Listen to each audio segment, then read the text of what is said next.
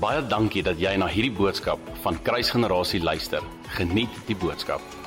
Goeie familie. Hoe dit gaan goed met julle? Dit klink daarom of julle daarom hier is en present is. Wil jy nie asseblief jou Bybel vir my oopmaak by Efesiërs hoofstuk 3 nie? Ons het ehm um, ons natuurlik vanmôre gehoor hoe pastoor Jan een of twee goedjies noem en dit is my interessant. Ek luister so na hom en daar's baie van die goed wat ek wil aanraak vanmôre. So dit is my nogal awesome. En ek hoop regtig jy het 'n verwagting in jou hart om iets by by Jesus te hoor vanmôre. Ek het ehm um, ek het 'n burden oor oor hierdie spesifieke woord en en ek weet ek gaan nou vooraf dit sê en ek gaan dit iewers dalk weer sê. Ek weet dat in a sense we're preaching to the choir this morning. Julle ouens is hier, maar daar's 'n rede hoekom hierdie woord belangrik is want die ouens vir wie hierdie nie vandag belangrik is nie, is ouens wat vir wie dit belangrik was op 'n stadium. En dis hoekom dit belangrik is vir ons as 'n familie om te hoor waar ons gesels môre. So ek gaan dit vir ons noem. Uh ek gesels vanmôre so 'n bietjie oor kerk. Gesels oor kerk. En uh woe, een woe, iemand wat opgewonde is. En en die hoop vir môre is om net so effens 'n perspektief te skep oor wat die Bybel daaroor sê, wat God se hart is vir die kerk. Uh maar ons gaan begin lees hierso by vers 8. Nou Paulus begin in hierdie eerste vers wat ons saam gaan lees, Efesiërs hoofstuk 3 vers 8 en dan vers 9 ook so 'n klein bietjie. Praat hy oor sy persoonlike roeping, sy rol in die demonstrasie van hierdie wat na verwys word as 'n mystery en hy sê hy het 'n spesifieke rol om te vervul as 'n apostel van die Here. So ons lees hierso saam van vers 8 af. Dit sê to me who am less than the least of all the saints. Interessant, né? Nee? Hy sê op 'n ander plek sê vir gelowiges, volg my soos ek Jesus Christus volg.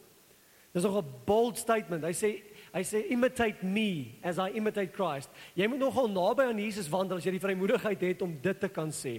En nou sê hy in 'n ander sin sê hy ek is die minste van al die gelowiges. So hy sê gaan aan This grace was given that I should preach among the Gentiles the unsearchable riches net so terloops jy's die Gentile. Sien jy weet nie? Dis ons. Weet ons dink jy ons Afrikaners ons is baie spesiaal. Nee, ons is ook Gentiles. Okay. Volgens die Bybel.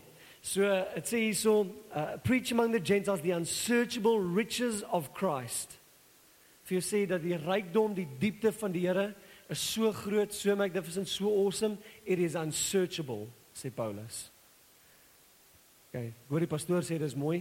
Ek hoop dit begin iets in jou hart wakker maak oor wat vir ons voorlê as gelowiges.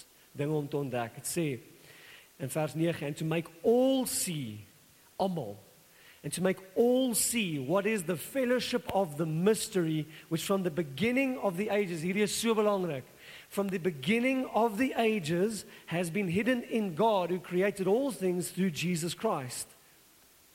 Vers 10. To the intent Hier's die rede hoekom. Hier's hoekom. To the intent that now the manifold wisdom of God might be made known by the church to the principalities and powers in the heavenly places according to the eternal purpose daar's dit weer daar's 'n eternal purpose in die hart van God hoor, hoor mooi as dit sê eternal purpose ek weet nie of julle weet nie maar Genesis 1 sê in die begin daai oomblik toe God hemel en aarde alles geskep het toe tyd begin voor dit was daar nie tyd nie En so in die ewigheid, ek wil amper sê die ewigheid verlede. Verlede ewigheid. Hoe sê ek dit? Okay? In eternity past. Dis die maklikste manier wat ek het om dit te sê. In die ewigheidsverlede was daar iets in God se hart gewees voor hy die res van die aarde geskep het. En hierdie was die begeerte van God gewees. Dit wat ek net vir ons gelees het. Ons gaan terugkom hiernatoe. Sê according to the eternal purpose which he accomplished in Christ Jesus our Lord in whom we have boldness pastor Jan het van Hebreërs gepraat iets soortgelyks in whom we have boldness and and access with confidence through faith in him wie Jesus Christus nou as jy as jy my nie heeltemal vol vanmôre nie ek wil dit vir ons net half vereenvoudig daar's drie dinge wat Paulus hierso sê wat ek dink verskriklik verskriklik belangrik is vir ons as gelowiges oor die algemeen maar verseker vir die tyd waarin ons leef hy praat hierso van 'n baie spesifieke iets wat hy wil openbaar aan 'n spesifieke iemand deur 'n baie spesifieke iemand. God het 'n begeerte om iets spesifieks deur iemand spesifieks aan iemand spesifieks te openbaar. En dis wat ek hoop om vanmôre vir ons te wys en waantoe ek voel deur ons as 'n familie en natuurlik die kerk globaal uitnooi. En so hier's dit weer. Ek gaan dit vir ons lees. Gaan gou-gou weer terug saam met my vers 10 toe. To the intent that now the manifold wisdom of God, daar's die een, might be made known by the church, daar's die ander een, reg? To the principalities and powers, daar's die derde een in heavenly places. God begeer om iets spesifieks aan iemand spesifieks deur iemand baie spesifieks te openbaar. Nou hoor gou-gou familie voordat ek enigstens verder gaan. As dit die ewigheidsplan van God is. As dit as dit in sy hart was voordat hy enigiets geskep het. Reg? Hoe belangrik dink julle is dit vir hom? OK. Dit is ontsettend as dit God se begeerte was om hierdie ding te doen voordat hy enigiets geskep het en dat alles wat hy geskep is geskep is vir hierdie rede dan dink ek ons moet oplet in die klas en sê okay as dit vir hom so belangrik was moet dit vir my so belangrik wees. En so kom ons vra die vraag. Wat is dit wat hy wil openbaar? Wat is dit wat God in sy hart gehad het om te openbaar voor die grondlegging van die aarde reeds? Wat is die ewigheidsplan van God? Ding is redelik eenvoudig as ons hierdie stukkie lees. En dan gaan terug vers 10 toe, die eerste gedeelte raad sê the manifold wisdom of God. Nou dit klink so, dit klink eintlik so eenvoudig. Ja, God wil sy wysheid openbaar. Maar as jy as jy die vraag begin vra, wat is wysheid vanuit God se perspektief?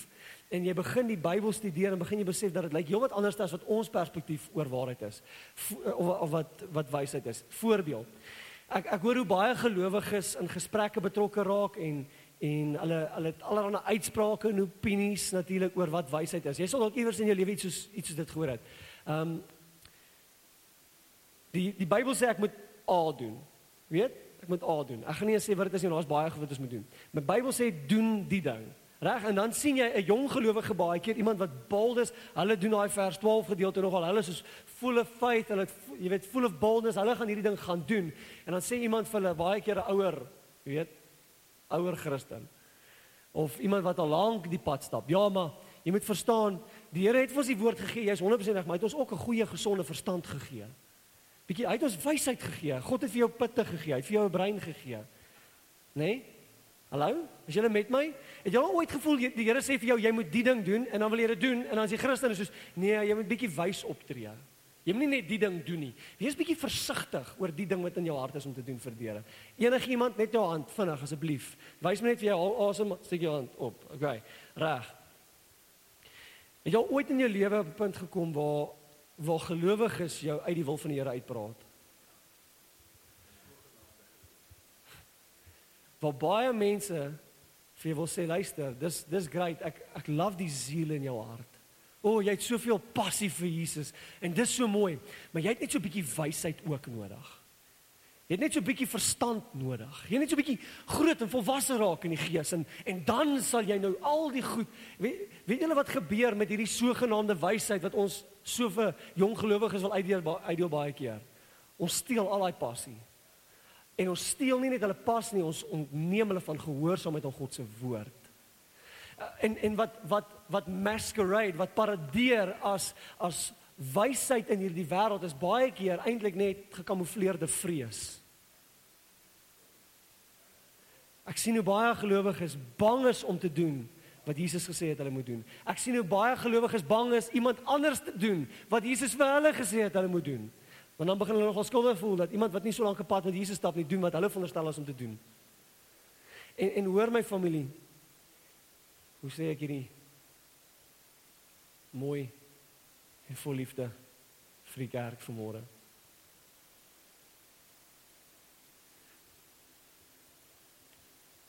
As as die wysheid, kom ons definieer dit dalk gou en dan gaan ek terugkom na hierdie punt toe.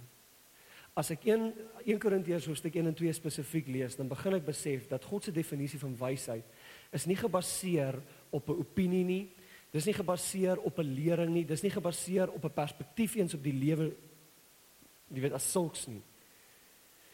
God se definisie van wysheid is Jesus Christus. Hy hy sê dat Jesus Christus is die openbaring, die manifestasie van die wysheid van God hier op aarde. Jesus Christus is God se wysheid. En hy sê in 1 Korintiërs 1 en 2 sê hy daarso dat alles wat nie God se wysheid is nie is dwaas. En hy sê dat die wysheid van God intendeel jy kan amper dit so sê as jy dit mooi gaan lees daarso. Dit sê dat selfs God se dwaasheid, God se dwaasheid Reg? wat eintlik nie bestaan nie, maar die, as as God in dwaasheid moes opereer, sou sy dwaasheid wyser wees as die wysheid van mense.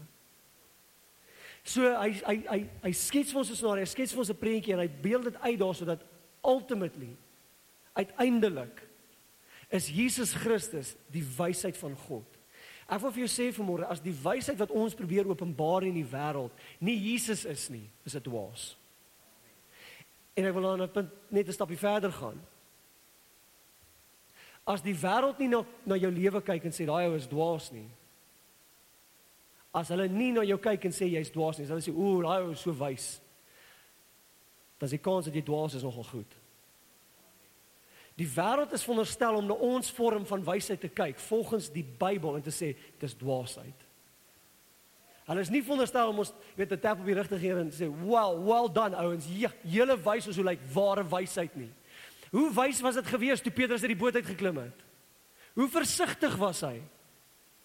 Hoe versigtig, I mean, Petrus het nie gegaan het getoets toets eers en toe hy onmiddellik toe Jesus die woord het gesê inteendeel as jy dink aan wat Petrus gesê het daar, hy sê vir die Here, hy sê Here, beveel my om te kom, dan kom ek. Dis wat hy vir Jesus gesê het. Wat sy besig om te doen? Hy's besig om dit onmoontlik te maak vir homself om te faal. Hy sê want as God gesê het ek moet dit doen, dan gaan ek dit doen. En hy was nie versigtig in sy gehoorsaamheid. Hy was onmiddellik gehoorsaam. Nou ja, almal is ja, maar hy het gesink. Luister, hy was ek sê hierdie baie, hy was veiliger buite die boot saam met Jesus wat die disippels binne in die boot was sonder Jesus. Want hy was onmiddellik gehoorsaam aan Jesus Christus gewees. Dwaasheid volgens die wêreld. Die res van die disippels, hè, baie Petrus. Tata John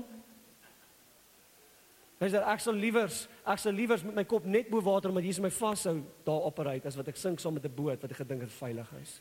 En hy's hy's gehoorsaam omdat hy opereer met 'n ander tipe wysheid.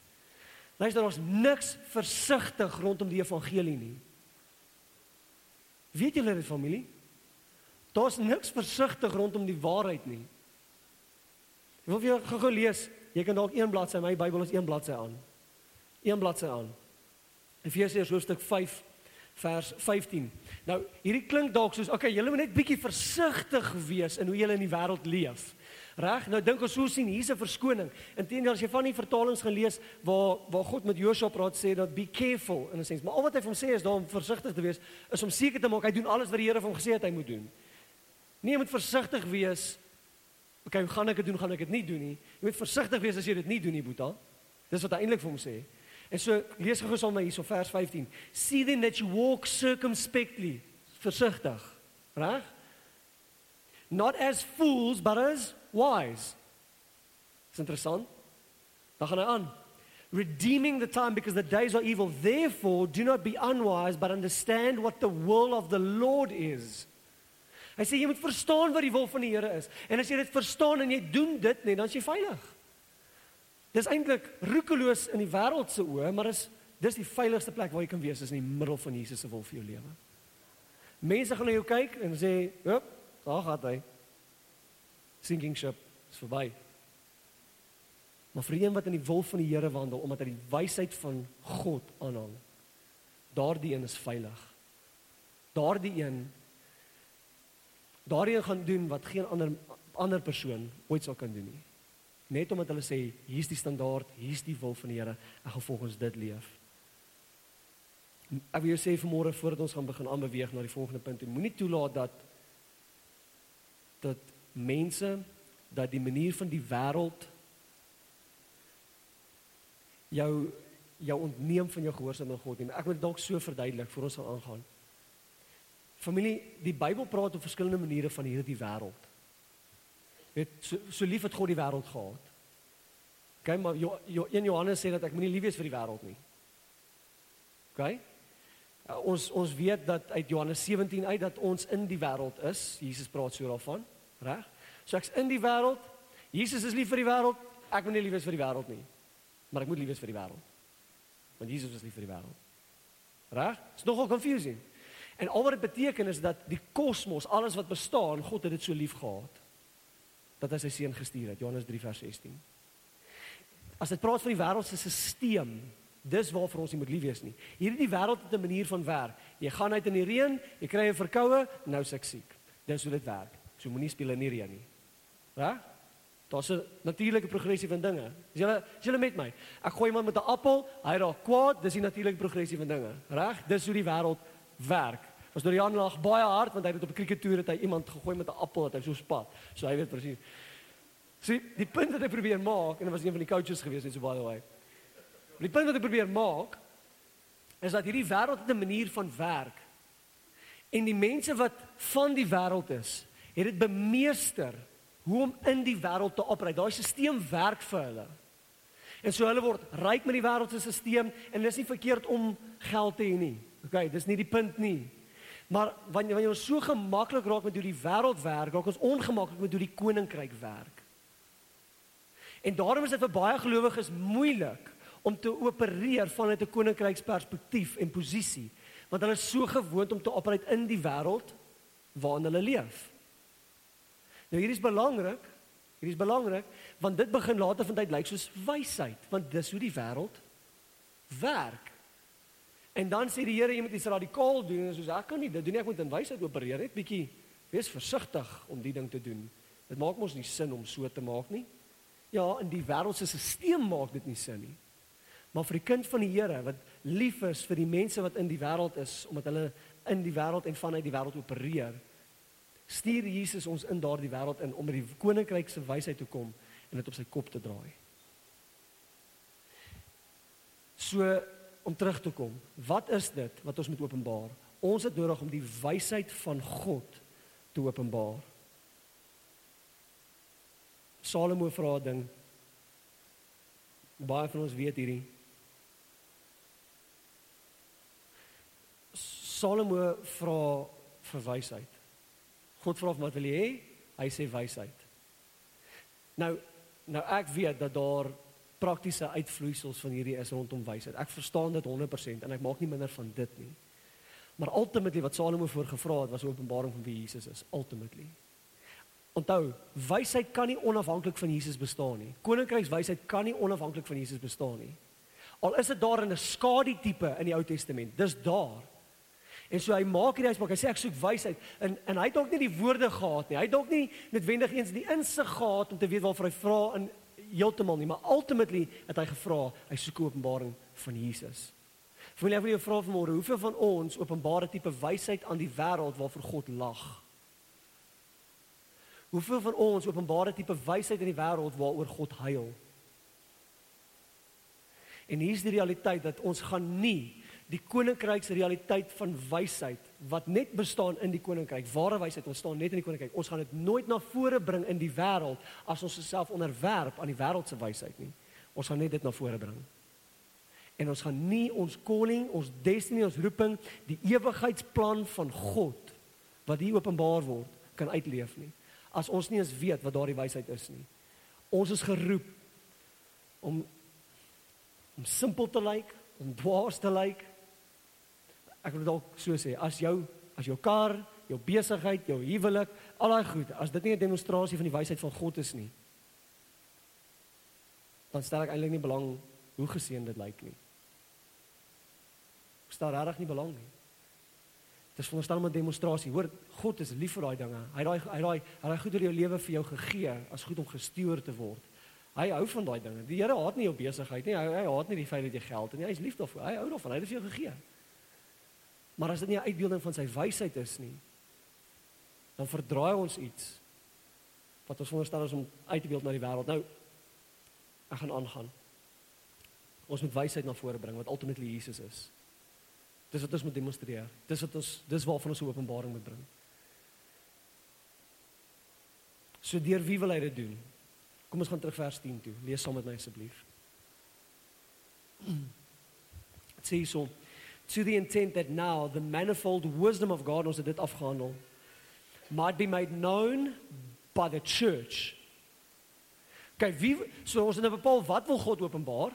Reg? Wysheid, Jesus ultimately. Deur wie wil hy dit openbaar? Die kerk. Toe toe hierdie hele lockdown storie begin het, ek en Jan het nog al 'n lekker conversation oor gehad op 'n stadium. Toe die hele lockdown storie begin het verlede jaar. Toe kom baie ouens, jy weet, en toe toe toe loop al hierdie wurms uit die hout werk uit. Al hierdie ouens almal het nou skielike minister, almal het nou skielike opinie, almal het nou skielik, jy weet, uh, al hierdie al hierdie one-liners word so geshare en al hierdie, jy weet, momentary wisdom word so gedeel. En een van die goed wat baie sterk deurgekom het in hierdie oomblik was iets wat eintlik wat ek opgetel het persoonlik in 2008 reeds begin het. In 2008 was al wat ek opgetel het en dit mag dalk lank voor dit gewees het. Skus tog. Was daar hierdie 'n paar ouens wat regtig sterk hierdie hele idee gedryf het van die kerk is nie iewers heen waartoe ek gaan nie, dis iets wat ek is. En ek weet, ek maak sommer van julle kan sommer klaar sien so ongemaklik, maar mos mos die waarheid. Ek is mos die kerk. Né? Nee? Ek is die kerk. Ek gaan nie kerk toe nie, ek is die kerk. En toe die lockdown begin, die kerk is nie toe nie, want ek is nie toe nie. Ek is Dan mense het dit goed gepost. Julle lag en julle is dalk soos ja, ek onthou dit. Daai ou het dit gesê en ek het dit geshare dink ek, né? Nee? Hier's die punt en ek wil vir jou sê familie, ek wil jou duidelik sê vanmôre familie, hoor my, ek wil jou weer in die oë kyk en vir jou sê, jy is nie die kerk nie. Jy is nie die kerk nie. Jy is nie die kerk nie. Jy is nie. Hoor jy die klem? Ek wil dit oral vir jou sit want reg deur daai sin moet jy dit hoor in al daardie plekke. Jy is nie die kerk nie. Maar pastoor, die Bybel sê ek is die tempel van die Heilige Gees. Jy's absoluut reg. Jy's die tempel. Jy's nie die kerk nie. Maar wat jy verstaan? Jy wil net jy slim wees vanmôre pastoortjie? Nee. Nee nee. Ek wil eers met die dom wees nie geliefde. Hoor my, hoor my. Ek weet ek maak liggie van, maar hierdie is baie baie belangrik. Die Bybel is uitdruklik dat ek en jy die tempel van God se Gees is. En ek wil vir jou sê vanmôre, jy het die volheid van God wat in jou woon omdat jy sy tempel is. Daar's 'n verskil tussen die woord tempel en kerk. En en net in die, net in die Afrikaans is dit so, maar ek wil vir julle sê die oorspronklike teks wat gebruik word, die oorspronklike woorde, die woord vir kerk is die woord eklesia. Weet jy wat beteken die woord eklesia? Die samekoms by mekaar. Sê my gou-gou, as jy alleen in die kerk is, hoe kom jy saam? Jy kan nie dit wees nie. OK, ek hoor baie ouens sê, weet, die kerk is nie meer wat die kerk moet wees nie. En hoe langer jy weg bly, hoe langer gaan dit vat vir dit om te weet wat dit moet wees. Ja maar, pastoor, die kerk het my seer gemaak. Ek sou versigtig wees om 'n wrok in my hart te dra teenoor iemand se vrou as hy regtig lief is vir sy vrou. Vra vir pastoor Jan vanmôre. As jy as jy issue het met sy vrou, hoe goed jy oor die weg gaan kom? Vra gou vir hom. Is ek reg? Okay? Charles jou.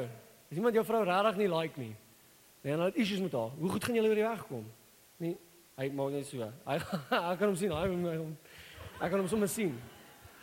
So bestaan nie, moenie worry nie, jy hoef nie hulle maar te gaan uitsort nie. Okay. Familie, ek wil jou vra, as jy 'n man is, iemand hou niks van jou vrou nie. Hoe happy gaan jy met daai persoon wees? Jy gaan sukkel met dit, nie waar nie? En dan dink ons, ons kan na die Here toe gaan en sê, Here, die kerk Dan sê sy dis my vrou, daai van wie jy praat. En it's a by the way. Jy's deel daarvan. Dis so goed jy haat jouself. Jy moet pastoor, jy het nou net gesê ek is nie die kerk nie. Jy alleen is nie die kerk nie. Dis die punt. Ons is saam die kerk. Ek kan nie alleen die kerk wees nie. Jy hoe voeg jy een ou? Hoe kom jy nou by mekaar? Dit dit maak nie sin nie. En dis hoekom Jesus onder andere sê daar waar twee of meer in my naam vergader, daar is ek. Luister, unity kan nie bestaan as daar net een ou is nie. Eenheid kan nie bestaan waar net een ou is nie. En gaan lees verder. Een gaan lees bietjie verder in Efesiërs. Dis een van die goed wat hy aanspreek, is eenheid. Gaan lees dit. Hoe kan daar eenheid wees as jy net een is? Dis nie eenheid nie, dis een. Eenheid praat van multiples. En so hier's die idee, hier's wat ek wil hê ons moet verstaan vir 'n oomblik, dat dat ek is nie die kerk nie. Ek is die tempel en ek het God se gees in my en dis amazing, dis great en ek love dit en ek het al gepreek oor dit. Maar ek is nie die kerk nie. As ons die samesyn van gelowiges verontagsaam soos wat ons lees in Hebreërs ook. Weet julle dat daai skrif sê vir ons dat hoe nader die tyd van Jesus se koms is, hoe meer moet ons bymekaar kom? Is dit nie vir julle interessant dat die kerk redes kry om minder en minder bymekaar te kom hoe nader Jesus se koms is nie? Wie dikteer ons agenda? Wie bepaal die wysheid wat ons aanhang wat vir my sê, "O, dis oukei okay om ag weet, ek is regtig besig."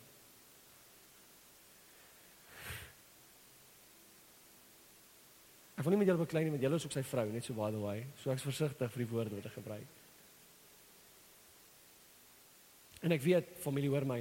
Ek gaan sê wat ek net nou gesê het. Ek dink dit is dalk belangrik om dit hier te sê. Dit klink of ek vanmôre beklei met die ouens wat hier sit. Julle is so, "Ja, En die ouens op livestream is ook so so as ek nee, rustig. OK. Ek sê dit vanmôre, ek deel hierdie goed vanmôre omdat almal vir wie dit nie meer belangrik is nie, is ouens vir wie dit op 'n stadium belangrik was. Ons kan nie bekostig om te vergeet wat die waarde van ons samekoms is nie. Ja, maar pastoor, weet jy, ek kry nie eens meer kos by die kerk nie. Ek kry nie meer kos by die kerk nie. Ek het jare terug ek vir die jeug, ek het dit vir die jeug gesê, jare terug, ek sal dit nooit vergeet nie. Een ouetjie het so gesê, ja, sy ma sê hulle kry nie meer kos by die kerk nie. Ek sê, "Wat dan met sy dalk in die week eet?" Eet in die week.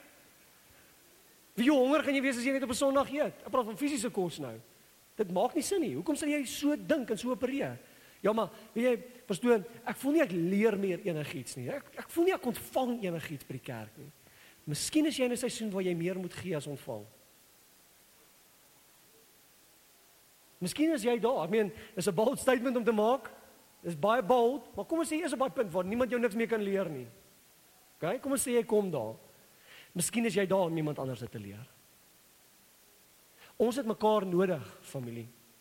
En in hierdie setup leer ons by mekaar en partykeer ja, is dit so dat kerk maak of mense maak seer. Gaan dit dalk eerder so sê. Maar selfs in dit is daar 'n openbaring van die wysheid van God wat geopenbaar is in Jesus Christus want as jy teen my so op drie raai wat het hulle met Jesus gedoen en as hy hulle kon vergewe kan ek jou vergewe. Wat is daar? Daar's 'n openbaring van die wysheid selfs in dit. Wat wil jy sê vanmôre? Dat dalk vra.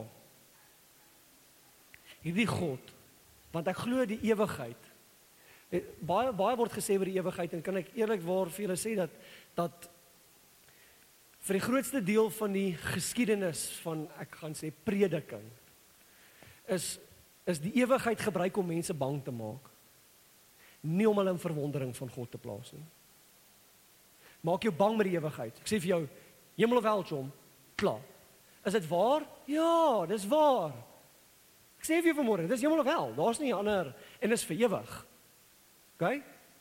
So ja, dis waar en vir 'n baie lang tyd, inteendeel, vanoggend is daar boodskappe wat gepreek word reg oor ons land en die wêreld wat presies dit sê. Dis dit, ewigheid. Draai of braai. Klaar. Dis die boodskap. Maar dit ondermyn wat die ewigheid openbaar. Hier's die ding dat ek het iewers 'n gesprek gehad met iemand in die week oor oor juis oor hierdie. Die ewigheid is 'n openbaring van die grootheid van God. Besef ons vanmôre dat die dat dat nie eens tyd langer duur as wat God duur nie. Tyd is nie iets wat God opsom nie. Tyd is nie iets wat hom vasvang nie. Tyd is nie iets waarin hy bestaan nie. Hy bestaan buite dit. Hy het hy bestaan voor hy iets geskep het. Genesis 1, toe skep hy, toe is daar tyd. Ons kan 'n bietjie gesels oor dit as jy iewers vra oor dit, ons kan gesels oor dit, moenie worry nie. En hy gaan bestaan lank na tyd ophou. Hy gaan in ewigheid bestaan en hy gaan e he will outlast eternity. Hier's die ding. Ons gebruik dit om mense bang te maak. Plaas gebruik ons dit om mense in verwondering te sit van dis hoe groot die God is wat ek dien. Dis die God wat ek dien, die een wat daar's letter tyd tyd self. He will outlast time itself. As dit jou nie in verwondering sit van hoe groot hy is nie. Dan wil ek jou vra om dalk as ons klaar is vandag te gaan sit net vir 'n halfuur en te dink oor die grootheid van tyd. Hier's 'n vinnige definisie van ewigheid. Vinnige definisie. Ewigheid is so lank soos nooit. Die ewigheid is so lank soos nooit, maar so seker soos nou. Dis die ewigheid. Die ewigheid is so lank soos nooit ooit ooit nie. Maar so seker soos hierdie oomblik wat jy sit op daai stoel of staan agter 'n kamera. Vir jy is besig is met wat ook al terwyl jy kyk. Dit is so seker soos dit. En raai wat? Hy's groter as dit alles. Dit alles. Dis nie God wat ons dien. Is nie vasgevang in hierdie goed nie. Ons maak besluite gebaseer op die tyd waarin ons leef. Ons maak besluite gebaseer op die sogenaamde seisoen self en daar's nie dis nie noodwendig verkeerd nie, maar as daai goed ondermyn wat ewigheid wat in die ewigheid gaan gebeur, dan dit dwaas. Dis simpel. Dit maak nie eens sin nie. En dan wil dit sê vir môre, Partykeer hou ons ons op met allerlei ander goeters wat ons weet sonde, weet julle familie sonde maak nie eens sin nie. Logies, gaan dink net aan sonde. Praat nie van dink om dit te doen nie. Dink net aan die konsep van sonde. Dit maak nie eens sin nie. Sonde maak nie sin nie. Ek verduidelik dit so rukkie terug verduidelik dit iemand gaan die botteltjie water gebruik as 'n voorbeeld. Julle weet seker in die tyd, ah, ek hou van botteltjies water. Daar's soveel gedrie koninkryk wat geopenbaar kan word deur hierdie goedjies. Hierdie botteltjie water As ek vir jou gee, jy's dors, ek gee vir jou om te drink. Hoeveel hoeveel van julle sal dit drink as ek vir jou gee? OK? Reg, spotteltjie water. Nou vat jy 'n slukkie en ek sê vir jou en dan gaan 'n woord gebruik. Ek weet nie of ek mag nie. OK? Mag gaan dit gebruik? Het so 'n peep version op die livestream. Dis so OK, try net. Wat as ek jou sê dis 1% poefies hier binne? Hæ? Huh? Bolly, seker beter. Ek weet nie of dit 'n beter woord is nie. Klink vir my veilig. Ek wou dit sê. Nog jy daai woord gesê een keer in 'n kerk en toe ja. 1% portie. Okay? Pastor Jan se woord. Hy het 'n tryd maak daarop. Nou 1%. Dan sê dan sê vir jou 1%. Wie van julle gaan dit wil drink? Sê ons ah, ek sou 'n bietjie uithou, dankie. Ek Nee, so dors nie. Okay? Hier's die ding. Wat het verander? Wat het verander in in in 'n kwessie van 30 sekondes. Al wat verander was jou perspektief. Die water het nie verander nie. Jou perspektief op die water het verander. Dis al wat verander het. Ek weet ek drif so 'n bietjie van my topic af, maar hierdie is belangrik. Al wat verander het is jou perspektief oor hierdie botteltjie water. Dit het nog altyd bietjie poetsie om gehad. Reg? Nog altyd. Bolly. Wat ook al. As ek vir jou sê sonde is al 100% poefies. Hoekom op dese aarde sal jy jouself wil ophou met dit? As jy besef, dis wat dit is. Dit kos my my lewe. Dis letterlik maak my dood. En ek praat net in die fisiese. Dink aan enige dwelmverslaafde. Dink aan enigiemand wat hulle self ophou met sekere sondes in hulle lewe. Jy sien die effek in hulle fisiese liggame. Wat nog van geestelik? As ons perspektief kyk, daai ding maak my dood. Wie gaan dit wil drink? Niemand wil dit drink nie. Ja, maar dis nogal lekker. Wel, dan nou een van poefies. Dan is dit vir jou lekker. En is nog puur suiwer, 100%. Nie eens 1% diluted nie. Familie, verstaan jy wat ek bedoel? Daar's daar's 'n sekere manier van kyk na hierdie wêreld wat so so wys lyk. Ja, ek het die vryheid om te doen net wat ek wil met my lewe. It's my life, John, nee, met Bon Jovi. It's net my life. Nee, jy's gekoop met 'n prys. En as jy weier om te leef volgens daardie standaard, dan gaan jy prys betaal. Dit is so. En raai wat? Ek wil nie.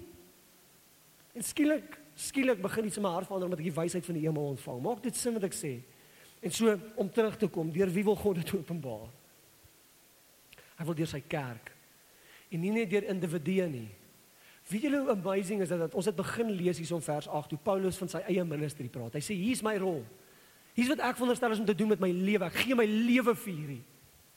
En direk daarna praat hy van dat hierdie God wat ek dien kan nie net deur my boodskap, deur my werk ten volle openbaar word nie. So hy roep die hele liggaam in daai werk in.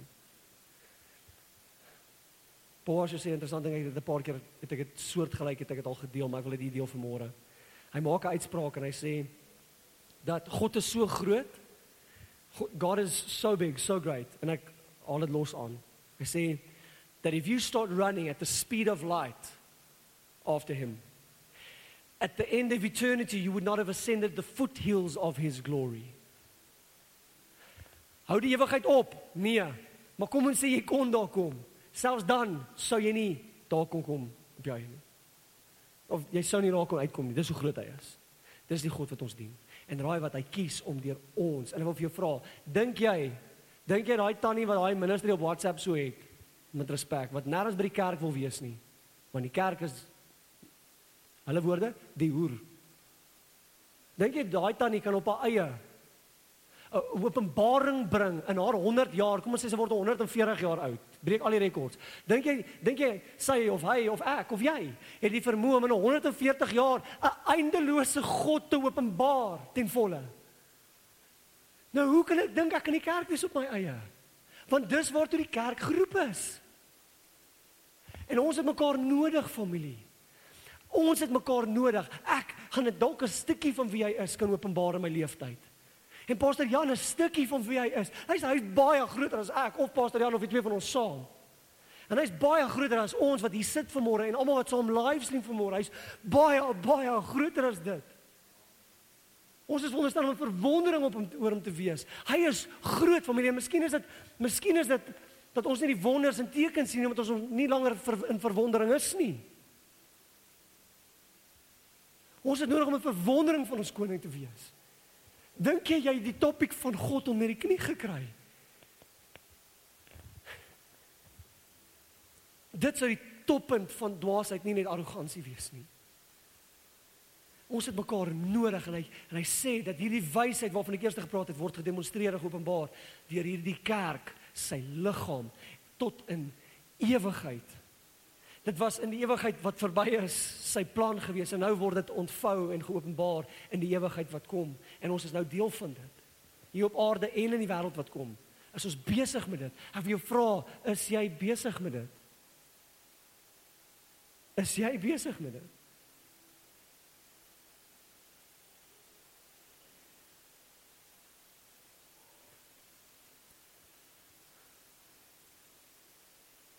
Ek het dit sommer net so neergeskryf en ek wil dit vir jou lees. En dan een ander gedagte deel vir ons aanbeweeg na die laaste punt toe, die derde punt. Ons sal nooit die God wat lag vir hierdie wêreldse wysheid kan openbaar aan die wêreld as ons onderwerp is aan daardie wêreldse wysheid nie. Sal dit nie kan doen nie. Weet 'n meitjie vra my, my dogtertjie, vra my laas jaar Ek het die gewoonte dat as ek ek weet hulle deel nou op die oomblik slaap hulle in dieselfde kamer met al ons goedjies wat nou gebeur en en so aan. Ehm um, met al die oppakwerk deel hulle nou kamer weer. En sy die gewoonte was gewees dat ek sou vir Joshua in sy kamer en vir Lemay in haar kamer elkeen 'n storieetjie lees en saam met hulle bid en dan gaan slaap hulle in apart. En die spesifieke aand is ons saam besig om 'n storieetjie te deel en ek bid vir hulle albei. En Lumay, Lumay kyk nou, sy is op daai stadium 6 jaar oud. 6 jaar oud. Familie sê 6 jaar oud te vra sy my hierdie vraag. Sy kyk so vir my. Sy kyk so vir Joshua. Sy kyk so vir my. Sy kyk so vir Joshua en ek moes seker geweet het hier kom dit nou. En sy vra vir my pappa, hoe kan Jesus in Joshua bly en in my bly. Dan van julle is oh, ek dink dis 'n groot vraag. Nee, dink aan. Sy 6 jaar oud. En sy vra 'n vraag oor die grootheid van God.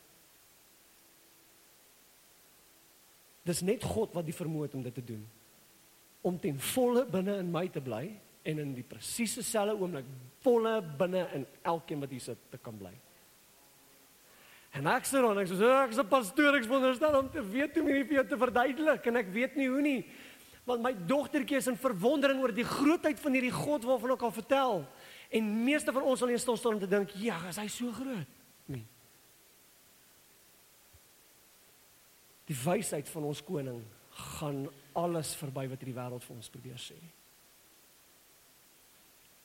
En as ons so goed geraak het daarmee om te funksioneer binne in hierdie wêreldse wysheid, gaan my kar, my huis, my besigheid, my huwelik, al daai goed, nie nie een van daardie goed gaan sy wysheid na vore kan bring nie. Terwyl dit veronderstel is om dit te doen. Dit bring my by die laaste gedeelte en dit is aan wie wil God hierdie goed openbaar? Dan lees weer vir my vers 10 saam met my asseblief, ek weet my stem is op pad uit. To the intent that now the manifold wisdom of God in might be made known by the church, 2. To the principalities and powers in heavenly in the heavenly places. Vir die wat nie weet nie, hierdie terminologie word gebruik om te praat van engele en demone. Dis waarvan dit praat. In kort. Nou kom ons sit vir 'n oomblik net die net die engele op sy. Ek gaan nou terugkom na hulle toe, maar sit net vir 'n oomblik die engele op sy. Dink net aan die demone. Ek en jy ons as gelowiges, die kerk, is veronderstel om die wysheid van God te openbaar aan engele aan demone. Sodat hulle in verwondering staan oor die grootheid van die God wat ons dien. Meeste Christene is bang vir demone. Meeste Christene is soos pastoor, my my kom byse kassie het oopgegaan van self. Ek kan nie kom kom kom nie. Asseblief, ek kan nie. Ons ons sukkel om van Jesus te praat met ons vriende. Ons sukkel met dit. En ek is veronderstel om demone verstom te laat staan oor die grootheid van die God wat wat binne my leef. En wat bestaan dit in ewigheid? Ek wil vanaand vra, staan demone en al van die God wat jy dien omdat jy hom dien op so 'n manier dat jy hom openbaar, die wysheid van God openbaar, Jesus Christus openbaar op so 'n manier. Leef ons so. Kom ons gaan terug na die kom ons kom ons bring die engele in die gesprek in. Weet want hulle weet seker bietjie meer van die Here as wat die demone doen. Alhoewel die demone het het vir Jesus gesê en dink aan, hulle sê son of David have you come early? Hulle het geweet wie hy is. Hulle het geweet hy's die seun van Dawid. Hulle het dit geweet, so hulle weet wie hy is. Onthou, hulle het hom in die hemel geken voor hulle uit is. Maar in elk geval, kom ons gaan na die engele toe. Jesaja hoofstuk 6 is een van my gunsteling gedeeltes in die Bybel. Dis die roeping van Jesaja. Dit sê in Jesaja, dit sê daar so dat in the, the year that King Uzziah died, I saw the Lord uh, God Almighty high and lifted. Jy weet, hy sien die Here hierdie hierdie moment en hy sê the train of his robe filled the temple. Uh, en dit sê dat hy sien om hom om die Here sien hy die serafs. And it said, oh, the, uh, each of them had six wings. With two they covered their faces, with two they covered their feet, and with two they flew. So hierdie serafs is in die teenwoordigheid van God. En hulle roep uit heilig, heilig, heilig. Reg? Is die Here God almagtig. Nou net daar, net so vinnig, hierdie is verniet, is 'n openbaring van die drie eenheid van God. Net daar is openbaring heilig, heilig, heilig. Is openbaring Nie uitdruklik nie, maar dis daar. Die punt wat ek wil probeer maak is hulle is in die teenwoordigheid van God. En hulle is so naby daaraan dat hulle dit nie eens kan aanskou nie. So oorweldigend is die openbaring van die God wat voor hulle is. Hulle is, en as jy die bietjie Bybelstudie gaan doen, as jy besef dat daar's geen account van waar die engele geskep word nie. So die meeste skalers is eensstemmig hulle reken dat die engele is geskep voordat die aarde geskep is. Hulle is geestelike wesens. Nou Nou kom ons sê vir 'n oomblik selfs as dit nie so is nie. Kom ons sê hulle is geskep weet met die met die res van die skepping wat ons geen account vir het nie, net so baie. Maar kom ons sê dit is so. Hulle is vir die afgelope ongeveer 6000 jaar ten minste as hulle in die teenwoordigheid van God self, hulle aanskou hom sonder enig, ek meen hulle maak bietjie toe, maar daar's geen need vir hom in daai sin toe te maak. Hulle hulle het 'n openbaring van wie hy is. En hulle roep uit heilig, heilig, heilig en raai wat jy word geroep om aan hulle 'n openbaring te bring van die grootheid van God sodat hulle verstom staan. Hallo familie? Dus die mis hoe sê ek dit? Ja, okay. Geen engel of demone die reg om God beter te ken as wat jy hom ken nie. Geen engel Wie die demone? Ons kan met dit deel. Here ons ja natuurlik demone. Okay. Geen engel het die reg om God beter te ken as wat jy hom ken nie. As jy met my familie, kom ek wys dit vir jou. Hoe gaan jy hulle iets leer omtrent God? Hoe gaan jy openbaring bring aan hulle oor wie God is as hulle dit klaar weet? Jy met my? Geen engel, geen demoon, Geen ander skepping of skepsel het die reg om God beter te ken as sy kerk nie. As sy mense nie. En raai wat? Dit kan net gebeur wanneer sy kerk bymekaar kom want daar word iets wat jy ken en wat jy weet en wat wat jy deurgestap het en wat jy deurgestap het word openbaar wanneer ons skouers skuur met mekaar, wanneer yster yster sluit. Dit kan net daar gebeur. En as ons dit nie as ons dit nie value nie, as dit nie vir ons kosbaar is nie, gaan dit nooit gebeur nie. Ek gaan hom dan nie so goed leer ken nie. En hoor my familie. Ek dink Gabriël ken hom nogal goed. He is the Lord of heaven's armies. Gabriël serve hom. Elke engel serve hom. Almal van hulle. Maar hy noem nie een van hulle vriend nie. Is nie sy seuns nie, soos dit ons seuns is nie. Nie een van hulle is die bruid nie. Nie een van ons nie. En hoor my vanmôre, hierdie is nie 'n volle uitleg oor oor die konsep van kerk nie, maar ek dink dit is belangrik vir ons om te verstaan waartoe ons geroep is dat God ons saamgeroep het tot dit en aan wie ons veronderstel is om hierdie openbaring te bring. God is so groot. Julle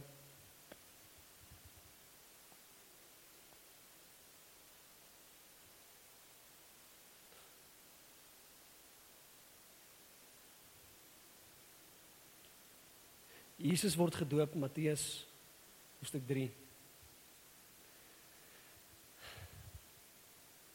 praat in die ander evangelies ook ook dit praat ook daarvan maar sê daar dat sê dat na Jesus gedoop is maak die hemel oop en dat die hemel uitkom 'n stem die stem van die Vader wat sê this is my beloved son in whom I am well pleased.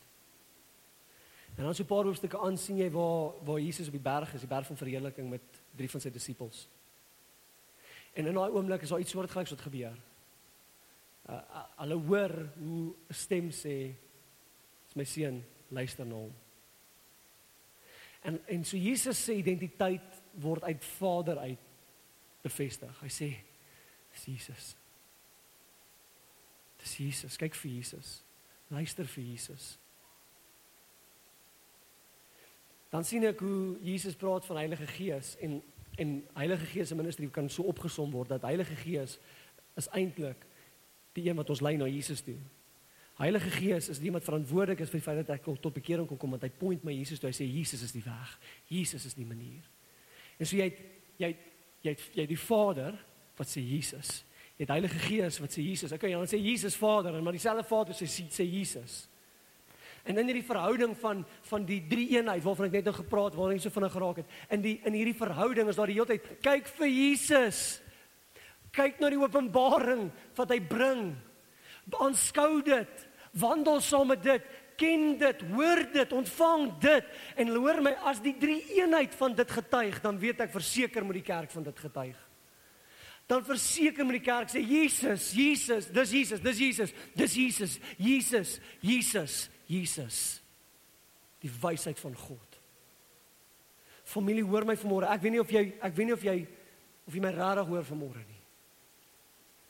Ons is veronderstel om in hierdie wêreld aan elke demoon, elke engel, alles wat bestaan is ons veronderstel om die openbaring van Jesus Christus, die wysheid van God te bring. En ons gaan dit nooit doen as ons hom nie beter ken as wat ons hom ken nie. En so in alles wat ek gesê het vanmôre, in al hierdie uitdagings en al die goed wat lyk of ons net nie by dit uitkom nie, hoor my, daai is alles uitnodiging Hy nooi ons uit om hom beter te ken. Ek love wat Pastor Jan net nou gesê het terwyl hy so uit die worship uit gegaan het dat dat ek sou veronderstel om daai oomblik wanneer ek weet, oh glory by and by eendag, weet, daar gaan ek Jesus ken nie. Daai moet nie die eerste oomblik wees wat jy hom aanskou nie.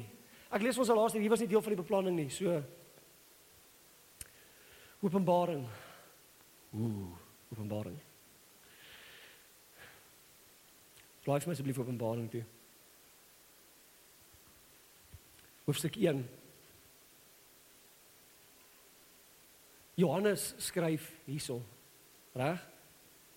En hy sê vers 10 I was in the spirit on the Lord's day and I heard behind me a loud voice as of a trumpet saying I am the alpha and the omega the first and the last daar's ewigheid Daar's ewigheid. OK, daar's ewigheid. What you see, write in a book and send it to the seven churches which are in Asia, to Ephesus, to Smyrna. Ons het natuurlik gelees uit Efesiërs. Die program ons hy hy noem hulle so op, reg? En hoor hierso wat sê dit vers 12. Then I turned to see the voice that spoke with me. Wat wag? Hoe sien jy 'n stem? Hoe sien jy 'n stem? OK? Ek weet nie. My antwoord, ek weet nie. Julle is so, wat is dit nou? Ek weet nie. Ek weet nie. Wat ek wel weet is dat hy hoor die stem van een wat vir hom bekend is. En hy sê dis nie my goed genoeg om net sy stem te hoor nie, ek wil hom sien. En ek hoor hierso, hier beweeg hy, so ek draai my aandag, ek rig my fokus na die een van waar af die stem kom. En ek wil vir jou sê familie, hy was lank nie in die hemel gewees toe hy hierdie geskryf het nie. Daar's baie ander gedeeltes wat ek vir jou kan wys vanmôre om dit vir jou te illustreer, maar die punt is, my openbaring, my ontmoeting met Jesus is nie een of ander hoe ek het 'n mooi preek gehoor toe gee ek my hart vir Jesus nie. Jy het ontmoeting gehad met God. Die ewige een, die lam wat geslag is, the lamb that was slain before the foundation of the earth. Jy dien daai God. Jy ons dan daai God te kan ken. En hy draai om en hy sê ek wil hom sien. Ek wil nie net hom hoor nie, ek wil hom sien. En ek hoop vanmôre dat uit alles uit wat jy gele gehoor het, dat jy gehoor daar's 'n uitnodiging vir ons as God se kerk om te kan sien en ek wil dalk hierdie uitspraak maak. Ons gaan hom nie ten volle sien as ons nie dit saam doen nie. Daar's openbaring van wie hy is wat net kom wanneer ons saam is. As jy veronderstel om 'n encounter op jou eie, ja, ons het by Johannes gelees, verseker. But if the fullness of that expression is only found in the gathering of the saints, dan beteken dit ek mis uit op iets as dit nie vir my belangrik is nie. En so die uitnodiging vir môre is een van verhouding. Die uitnodiging vir môre is een van ontmoeting. Die uitnodiging vir môre is een van van 'n diep kennis van Jesus dra wat geen engel of demoon ooit kan dra nie al al roep hulle vir duisende jare ten minste reeds uit. Hy's heilig. Hy's heilig. Hy's heilig. Hy's heilig. Want daai woord heilig beteken nie net rein nie. Dis nie al wat dit beteken nie. En ultimately kan jy praat daarvan dat hulle maak 'n verklaring oor al die maniere wat hy anders is as almal anderste. So hulle sê hy's heilig. Hy's heilig. Hy's heilig. Hulle maak daai verklaringe en ons moet hulle leer. Ons moet 'n demonstrasie wees vir hulle. Dit beteken nie dat hy kom sit en loop klas by jou nie. Maar dit beteken dat as hulle oor vir 'n oomblik die mense en sien wat God deur mense doen, is hulle verstom oor die demonstrasie, die openbaring van wie Jesus Christus is. En jy het die voorreg om dit te bring. Ons het die voorreg om dit Dankie dat jy na hierdie podcast geluister het. Indien jy die boodskap geniet het, deel hom asseblief met jou vriende.